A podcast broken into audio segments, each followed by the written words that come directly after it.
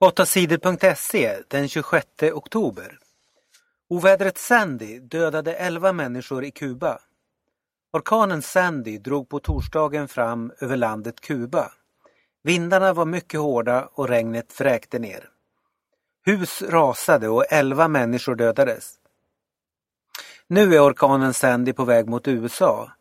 Flera experter säger att vindarna i orkanen kan bli ännu starkare innan Sandy når USAs östra kust.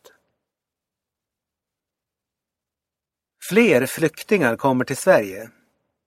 Det kommer omkring tusen flyktingar till Sverige varje vecka just nu. Det är fler än på många år.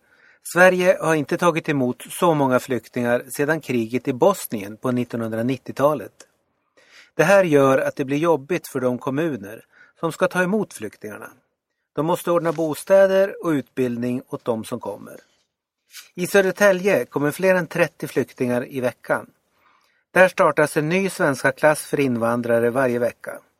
Det börjar bli svårt att hitta lärare och lokaler för undervisningen, säger politikern Bessim Ao i Södertälje. Regeringens migrationsminister Tobias Billström säger att staten kanske ska ge mer pengar till kommunerna så att de kan ta hand om flyktingarna på ett bra sätt. De flesta flyktingar som kommer till Sverige nu har flytt från kriget i Syrien.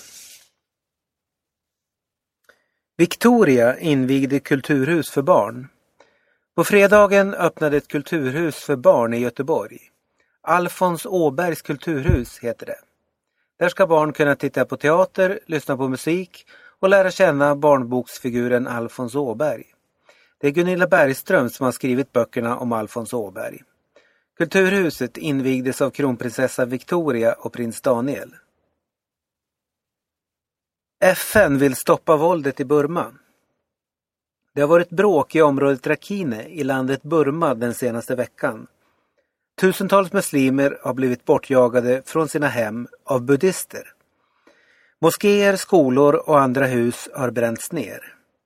Minst 60 människor har blivit dödade och tusentals muslimer har flytt. Förenta Nationerna varnar eh, för att bråken kan bli ännu värre.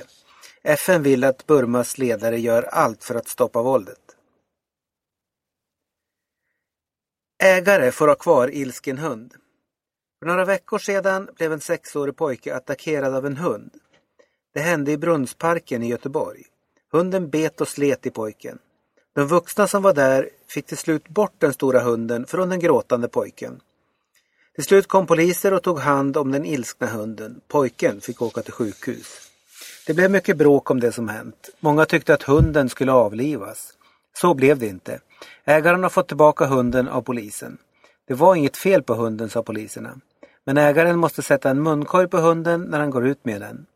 Munkorgen gör att hunden inte kan bitas. Svenskar är bäst på engelska. Svenskar är kända för att prata bra engelska. Nu vet vi att det stämmer. Svenskarna är bäst i världen på engelska av de folk som inte har engelska som första språk. Det visar en undersökning som språkföretaget EF har gjort. EF testade människor i 54 länder och svenskarna fick bäst betyg.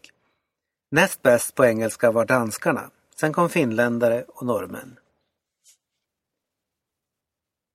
Många bilolyckor i snövädret i Stockholm. Det snöade i Stockholms län på torsdagskvällen. Årets första snö ställde till problem på vägarna. Det blev halt och många bilar körde av vägen. Polisen säger att det var 28 trafikolyckor på kvällen, men ingen skadades allvarligt. Många har åkt av vägen och det beror på snön och halkan, säger polisen Sven-Erik Olsson.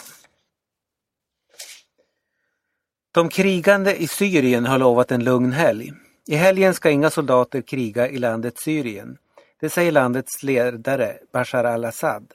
Människorna i landet ska kunna fira den islamska helgen Id al-Adha i lugn och ro. Det ska vara vapenvila. Rebellerna i Fria Syriska armén har gått med på att inte kriga under helgen. Men flera andra rebellgrupper har vägrat gå med på att stoppa striderna. På fredagsmorgonen var det lugnt i Syrien men många är oroliga för att det ska bli bråk och nya strider under helgen.